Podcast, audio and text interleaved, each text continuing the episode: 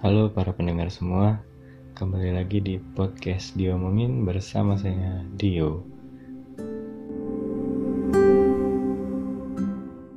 Kali ini saya ingin membahas pengalaman saya yang sudah mencoba tiga kampus yang berbeda untuk mencicipi bangku kuliah. Kampus pertama jenjangnya S1, kampus kedua jenjangnya D1, dan kampus ketiga jenjangnya D3. Kampus pertama saya dimasuki pada tahun 2009 yaitu setelah saya lulus SMA merupakan salah satu perguruan tinggi negeri di Kota Bandung yaitu Institut Teknologi Bandung atau ITB. Kampus kedua uh, saya masuk tahun 2011 merupakan salah satu perguruan tinggi kedinasan, yaitu Sekolah Tinggi Akuntansi Negara atau STAN. Kampus ketiga, eh, salah satu perguruan tinggi negeri juga, namanya Universitas Terbuka atau UT. Nah, tiga kampus ini saya lalui dengan kondisi yang berbeda-beda, dengan situasi yang berbeda-beda, dan dengan latar belakang yang beda-beda juga. Tapi sekarang saya nggak bahas itu, saya bahasnya tentang gimana sih isi dari tiga kampus itu. Siapa tahu uh, teman-teman di sini ada yang berminat untuk kuliah lagi di kampus-kampus tersebut atau mungkin punya ponakan atau adik atau siapa pun yang bertanya tentang kira-kira kampus mana yang cocok untuk mereka. Nah, siapa tahu uh, pengalaman saya ini bisa jadi masukan untuk kalian memberi jawaban itu. Dari ketiga kampus itu, saya akan bahas tentang beberapa poin. Yang pertama, bagaimana cara masuknya. Yang kedua, bagaimana kuliahnya. Dan yang ketiga, bagaimana setelah lulus. Kita mulai dari masuk ya. Jadi saya dulu waktu ke ITB tes masuknya pakai namanya jalur USM atau ujian saringan masuk. Nah, biasanya kan untuk perguruan tinggi negeri itu masuknya lewat kalau sekarang namanya apa ya? Saya juga nggak tahu kalau sekarang namanya apa. Cuma dulu namanya tuh SNMPTN seleksi nasional masuk perguruan tinggi negeri Nah, biasanya kita tahunya jalur lewat situ. Tapi waktu itu saya masuk lewat ujian mandiri. Jalur ini biasanya dihindari orang karena biayanya yang cukup mahal. Biaya masuk semacam uang masuknya deh, uang pangkalnya. Cuman karena waktu itu saya pilih beasiswa minat uh, jadi dulu tuh di ITB ada program beasiswa minat khusus untuk lima jurusan tertentu gitu. Kalau keterima nggak bayar uang pangkal. Nah akhirnya saya pilih lah masuk ITB lewat SM dan kebetulan keterima. Kalau STAN uh, masuknya dulu itu ujiannya dibagi tiga tahap ujian tertulis ujian fisik dan wawancara itu tahun 2011. Kalau sekarang perguruan tinggi kedinasan itu konsepnya ujian awalnya sama dengan ujian CPNS. Jadi seleksinya lewat CAT, Computer Assisted Test ya kalau nggak salah. Pokoknya tesnya berbasis komputer yang ada tes wawasan kebangsaan, tes intelijensia umum, tes karakteristik pribadi. Ya intinya tes CPNS deh buat masuk perguruan tinggi kedinasan. Tapi dulu kalau zaman saya itu masuknya cukup ujian tulis aja. Ujian tulisnya juga cuma tes potensi akademik sama bahasa Inggris kalau saya nggak salah. Habis itu ada tes fisiknya cuman lari. Setelah itu baru wawancara. Kalau kampus yang ketiga di UT atau Universitas Terbuka itu nggak ada ujian masuknya alias semua orang bisa masuk semua orang bisa kuliah di sini tanpa melihat latar belakangnya, tanpa melihat usianya. Pokoknya benar-benar semua berkesempatan belajar. Yang penting bisa ngikutin kurikulum yang disiapkan dengan baik. Intinya nggak bakal dipersulit deh kalau masuknya. Untuk biaya tesnya, kalau dulu itu karena ITB ujian mandiri, harga formulirnya aja tuh lumayan mahal. Tahun 2009 aja, harga formulirnya nyampe angka 700 ribu. Ketika itu kampus-kampus lain tuh masih ya harga 100 ribu, 150. ITB udah 700 ribu sendiri kalau waktu saya ikut stand sekitar tahun 2011 itu ya formulirnya paling sekitar 150 ribuan deh. Nah kalau UT ya itu karena daftarnya full online jadi nggak dibebankan biaya-biaya seperti itu. Tapi kalau misalnya kita nggak daftar sendiri misalnya dibantuin. Jadi di beberapa kota itu Cirebon salah satunya ada namanya sentral layanan UT kan atau salut. Nah, kita bisa pakai jasa mereka. Jadi kita tahu beres aja kita datang ke sana, serahin berkas kita, nanti mereka yang proses semuanya ke UT-nya itu biayanya waktu saya itu sekitar 600 ribu tapi itu udah sampai didaftarin SKS-nya dan selama perkuliahan pun kayak dibantu deh sama mereka kayak misalnya diingetin buat ngerjain tugas atau apa. Tapi sebenarnya yang paling membantu itu proses pendaftaran awalnya sih karena kan UT itu gak punya kampus jadi dia itu full online. Kalaupun ada unit pengendali belajar jarak jauhnya itu adanya di Bandung. Eh, sementara saya kan di Cirebon jadi agak repot juga kalau misalnya harus ke Bandung atau untuk daftar. Sementara waktu saya daftar itu tahun 2017 akhir ya. Saya kan udah kerja jadi nggak mungkin juga untuk ninggalin kerjaan untuk daftar kuliah. Nah salut ini membantu banget. Makanya dengan harga segitu tuh emang udah ya layak lah jadi mempermudah banget untuk proses pendaftarannya. Setelah tes masuk selesai, masuk ke bagian perkuliahan. Kalau suasana kampusnya mulai dari fisik bangunannya aja ya. Kalau di ITB kan, kalau sekarang kampusnya kan udah di mana-mana ya. Di Jatinangor ada, terus juga dia buka kampus kampus-kampus satelit lain. Kayak di Cirebon pun bahkan ITB itu ada gedung kampusnya deh. Nah cuman waktu zaman saya masuk dulu, enggak ITB itu cuman ada di ya di Bandung aja di Jalan Ganesha 10 itu. Dan dibanding PTN lain yang saya tahu, itu ITB salah satu yang PTN yang kampusnya tuh e, relatif kecil. Suasana kampusnya waktu itu karena dekat kebun binatang, jadi ya kalau kuliah itu masih kedengaran suara-suara hewan-hewan yang di kebun binatang gitu deh. Dari segi arsitekturnya juga keren, banyak landmark-landmark yang unik-unik. Kalau menurut saya pokoknya suasana kampusnya dari gedung itu keren banget. Nah, dibandingkan dengan kampus kedua saya di STAN itu kampusnya kan sebenarnya di adanya di Bintaro kan ya kampus pusatnya cuman STAN yang saya laluin itu e, karena jenjangnya cuma D1 waktu itu D1 itu disebar ke berbagai daerah salah satunya yang di Jawa Barat itu di Cimahi jadi stand saya itu stand Cimahi kayak semacam cabangnya gitu deh STAN itu kan sebenarnya di bawahnya Kementerian Keuangan. Nah, di Kementerian Keuangan itu punya namanya BDK atau Balai Diklat Keuangan. Itu tersebar di berbagai kota di Indonesia. Waktu angkatan saya, BDK itu dipakai untuk kuliah D1. Akhirnya karena saya tesnya di Bandung, saya mikirnya ini terpengaruh karena tempat tes juga ya karena saya tesnya di Bandung saya kepilih buat kuliah di BDK Cimahi karena D1 ya otomatis nggak punya senior, nggak punya junior.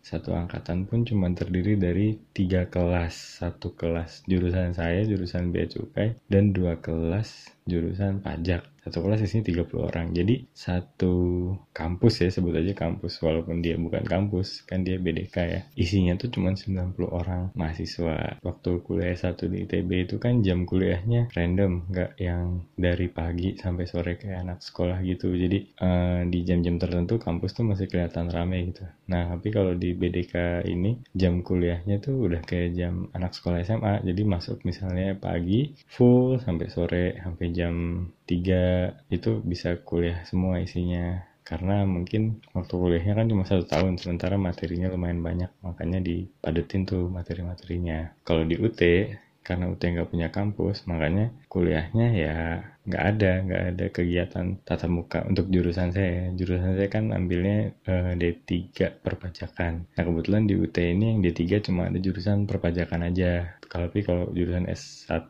nya itu oh sorry untuk tingkat S1 banyak jurusannya. Tapi kalau yang D3 perpajakan yang saya ambil ini nggak ada kegiatan tatap muka. Artinya kuliahnya benar-benar full online via website mereka e-learning.ut.ac.id eh, itu. Ya udah kita benar-benar kuliah tuh di situ. Nanti bakalan ada kegiatan yang mengharuskan kehadiran fisik kita itu ketika UAS atau ujian akhir semester. Udah itu aja sisanya bener-bener nggak ada kuliah nggak ada tatap muka nggak tahu ketemu temen jurusan tuh siapa tuh. Bener-bener nggak tahu karena kita kuliahnya bener-bener online semua Terus saya juga mau bandingin dosennya. Kalau di ITB itu ya karena kuliahnya S1 ya otomatis dosennya kan minimal S2 ke atas. Nah, rata-rata yang ngajar saya itu rata-rata S3 sih, kayak doktor atau PhD. Uh, eh, waktu udah di jurusan, karena saya ambil jurusan astronomi, ya rata-rata pasti S3 semua. Waktu masih di fakultas, masih di FMIPA itu ada beberapa dosen yang S2, kayak misalnya jurusan yang uh, mata kuliah-mata kuliah yang bukan mata kuliah yang utama gitu, kayak misalnya jurnalistik, apresiasi sastra, itu dulu dosennya seingat saya masih S2 Nah, kalau di STAN, dosen atau pengajarnya itu disebutnya Widya Iswara. Selain dosen yang emang Widya Iswara emang yang apa ya istilahnya. Memang profesi mereka tuh pengajar, ada juga dosen-dosen yang diambil dari kantor-kantor becukai terdekat. Misalnya karena jurusan saya becukai, jadi pengajarnya ada dan kampus saya di Cimahi ada pengajarnya yang asalnya itu dari kantor becukai Bandung, kantor kantor wilayah Jawa Barat, kantor wilayah Jawa Barat kan letaknya di Bandung juga. Nah, pengajarnya itu dari pegawai yang aktif. Jadi kita itu belajarnya nggak cuman teori doang, tapi bisa dikasih langsung studi kasus di lapangan berdasarkan pengalaman mereka. Jadi kita teorinya dapat, prakteknya juga dapat gitu. Kalau di UT karena kegiatannya e-learning itu kita cuman berinteraksi dengan namanya tutor. Jadi bukan yang dosen. Walaupun kalau saya lihat lowongan untuk jadi tutor di UT itu syaratnya ya mereka harus dosen juga di tempat lain minimal 2 tahun gitu jadi sebenarnya sih dosen-dosen juga cuman mereka bukan dosen utama di uh, UT itu bukan kampus utama mereka untuk mengajar gitu. Peran tuton di sini adalah diskusi lewat online dan menilai tugas. Kalau misalnya tutonnya ini aktif mungkin di diskusi kita juga bisa bener-bener literally diskusi gitu. Kayak uh, kita dia tanya apa kita jawab apa terus dia tanya lagi follow up lagi terus. Tapi pengalaman saya kuliah setelah beberapa semester di sini nggak semua tuton tuh seperti itu. Beberapa ya udah cuman ngelihat jawaban kita eh, mereka posting pertanyaan ngelihat jawaban kita terus nilai. Udah selesai. Jadi nggak terjadi diskusi dua arah. Ya yang penting dapat nilai deh tapi nggak ada diskusi yang hidup gitu. Karena mungkin ya terbatas media juga ya karena nggak tatap muka nggak secara langsung. Mungkin juga saya jawab diskusinya tengah malam dan mereka para tutornya baru baca pagi dan pagi itu saya nggak online jadi nggak bisa. Yang tektoknya tuh nggak enak gitu. Beda sama tatap muka atau sama langsung. Nah selanjutnya adalah UKM-nya atau unit kegiatan mahasiswanya. Kalau waktu di TB itu dan setahu saya pun di kampus-kampus PTN-PTN lain atau PTS lainnya unit kegiatan mahasiswa itu pasti banyak banget pilihannya. Kamu bisa pilih apa aja deh yang sesuai sama minat sama kemampuan kamu. Waktu itu saya pilih unit kegiatan mahasiswa saya itu resimen mahasiswa sama aktif saya itu di asrama sama di ya ikut himpunan juga walaupun nggak terlalu aktif himpunan mahasiswa himpunan jurusan ya walaupun nggak terlalu aktif nah dari situ pun kita dapat banyak pengalaman dapat banyak koneksi misalnya sama alumni alumni ya pokoknya unit kegiatan mahasiswa itu bermanfaat buat membangun jaringan gak cuman sama teman-teman yang dalam satu kampus yang beda jurusan tapi punya kesamaan minat bakat tapi juga membangun koneksi dengan dunia luar gitu karena masih berkomunikasi juga dengan alumni-alumni. Waktu di stan sebenarnya stan di Bintaro itu UKM-nya juga banyak dan setahu saya sih bagus-bagus juga. Cuman karena saya di Cimahi otomatis uh, eh, UKM-nya nggak ada. Karena nggak ada senior dan nggak ada ya emang bukan lingkungan yang memungkinkan buat ada UKM sih. Waktu itu ada senat mahasiswa mau dibikin gitu kan. Cuman ya karena sebelumnya nggak pernah ada kesenatan gitu di situ nggak pernah ada semacam keluarga mahasiswa atau badan eksekutif mahasiswa gitu. Jadinya kita ya gagap aja pas pertama kali bikin itu nggak tahu mau bikin program apa segala macam. Nah kalau di UT ya udah jelas karena kampusnya pun nggak ada nggak ada tempat berkumpul mahasiswanya ya UKM-nya juga nggak ada. Karena yang saya rasain ya waktu itu pure kuliah tok gitu cuma kuliah online dan ujian aja. Nah untuk biaya waktu di ITB itu saya lupa rinciannya berapa tapi intinya kalau misalnya kita ambil 20 SKS itu biaya kuliah yang harus dikeluarin sekitar 4 juta rupiah. Itu di tahun 2009 kalau STAN ya karena dia kedinasan otomatis gratis. Kalau di UT itu ini di tahun 2017 nih ya baru kemarin juga saya daftar awal tahun kemarin baru daftar ulang dan bayar itu ngambil sekitar 19 SKS biayanya cuma 700 ribu. Oh sorry. Enggak 35 ribu per SKS jadi kalau ambil 20 SKS itu 700 ribu. Tapi kemarin saya ambil 19 jadi ya cuma 665 ribu aja. Satu lagi yang mau saya singgung adalah masalah beasiswa. Selama di ITB itu beasiswa itu sebenarnya banyak banget. Yang penting kita datang ke bagian apa ya namanya saya lupa.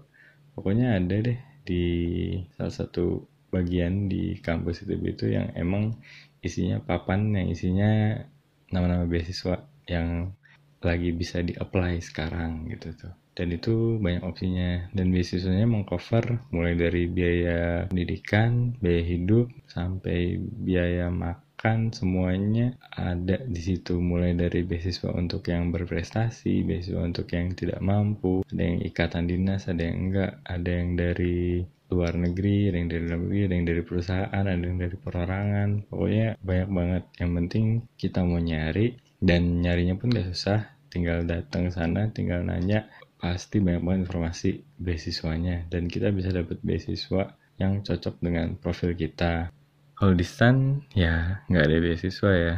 Karena kuliah udah gratis tapi artinya biaya hidup masih harus ditanggung sendiri. Dulu saya dapat kayak uang semacam uang saku bulanan gitu. Sebulan tuh 100 ribu dibayar tiga bulan sekali. Jadi setiap tiga bulan tuh kita yang masih tuh dapat uang saku 300 ribu. Nah untuk UT beasiswanya sebenarnya ada. Infonya pun di share di laman-laman di website atau di sosial media mereka tapi karena uh, jenjang pendidikan saya D3 itu dari informasi yang saya kumpulin tuh belum ada beasiswa untuk D3 rata-rata beasiswa itu adanya untuk S1 oke yang terakhir adalah tentang gimana sih lulus setelah lulusnya. Karena di ITB saya nggak lulus alias setelah semester 5 saya cabut otomatis saya nggak tahu tuh lulusan ITB itu sedicari apa atau segampang apa cari kerja atau sesusah apa itu saya nggak tahu. Tapi yang jelas di ITB itu ada namanya ITB Career Center. Nah saya sempat email saya saya daftarin gitu buat subscribe uh, subscription letternya dari ITB Career Center. Dan itu tiap hari emang di emailin lowongan-lowongan kerjaan. Intinya buat penyaluran kerja banyak kesempatan cuman buat masuk ke lapangan kerjanya kan intinya sih kayaknya ya cocok-cocokkan dan gimana sekeras apa usaha kita buat cari kerjaannya. Itu kalau kerja banyak juga usaha ITB yang mulai usaha sendiri atau atau yang nggak lulus dari ITB juga yang mulai usaha sendiri. Banyak yang sukses ya ada juga yang nggak sukses. Macam-macam itu kembali ke orangnya masing-masing nggak ada hubungannya sama alma maternya. Nah kalau di stan jelas lulus pasti jadi PNS kalau zaman saya itu sesuai dengan jurusannya. Misalnya saya jurusan bea cukai ya lulusnya pun jadi PNS di bea cukai. Kalau teman-teman yang kuliah di pajak lulusnya pun jadi di Direktorat Jenderal Pajak. Cuman kalau sekarang sekarang itu kan stan pun namanya udah berubah. Jadi bukan cuma stan aja tapi ditambah ada PKN di depannya Politeknik Keuangan Negara stan. Nah katanya sih lulusan stan itu bisa juga ditempatin di tempat-tempat lain selain Kementerian Keuangan. Lulusan stan itu dijamin begitu lulus pasti kerja. Karena ya kuliahnya udah dibiayai negara masa terus orangnya nggak jadi apa-apa? Nggak mungkin juga. Pasti disalurin buat uh, ke lapangan kerjanya itu udah ada udah dihitung. Kayak misalnya waktu saya masuk D1 nya itu angkatan satu angkatan saya ada hampir seribu orang. Karena emang kebutuhannya waktu itu untuk pelaksana lulusan D1 itu sekitar segitu makanya. Nah tahun kemarin apa kalau saya nggak salah dengar jurusan yang bea cukai yang pendidikan D1 itu yang buka cuma sekitar 50 orang aja. Karena emang udah terpenuhi kebutuhannya. Jadi nggak butuh banyak lagi gitu. Jadi emang perguruan tinggi kedinasan itu jumlah kursi mahasiswa yang bisa kuliahnya tergantung sama kebutuhan dari instansinya itu sendiri. Untuk UT karena saya juga belum lulus UT-nya sekarang masih menginjak ke semester 5 ya kayaknya nggak beda jauh dengan ITB ya. Kalau misalnya lulus ya harus nyari kerja sendiri. Ada juga sih kayak semacam karir centernya gitu yang di UT Cuma saya lihat di websitenya agak kurang update ya infonya. Jadi lapangan pekerjaannya itu nggak update dan perusahaannya juga kayaknya yang posting di situ sedikit, nggak terlalu banyak. Paling ya nanti setelah itu mungkin bisa gerilya sendiri cari kerjaan sendiri bisa lewat ya platform-platform kayak Glassdoor segala macam itu kan buat nyari lowongan-lowongan kerja gitu. Oke, okay, itu dia pengalaman saya di tiga kampus yang berbeda. Saya udah ceritain Eh, gimana cara masuknya, gimana kuliahnya, dan gimana lulusnya. Kalau kata teman saya, cari kampus tuh yang masuknya gampang, kuliahnya gampang, begitu lulus, cari kerja juga gampang. Emang sih nggak ada kampus yang bisa kayak gitu. Kalau ada, semua orang udah masuk situ. Tapi intinya di mana pun kalian kuliah, semuanya kembali ke pribadi kalian masing-masing saya yang di ITB, saya yang di STAN, dan saya yang di UT itu nggak merubah jadi saya itu siapa. Saya tetap sama. Ketika saya males ya saya males. Ketika saya nggak males ya nggak males. Nggak ada hubungannya sama alma mater ataupun kartu mahasiswa yang ada di dompet. Itu nggak akan ngaruh ke tingkat kemalasan kamu. Semoga pengalaman saya selama di tiga kampus tadi bisa jadi insight baru uh, tentang tiga perguruan tinggi yang saya sebutin di awal tadi ITB, STAN, dan UT. Semoga podcast hari ini bisa dinikmati kalian dan sampai ketemu lagi di episode selanjutnya. Bye bye.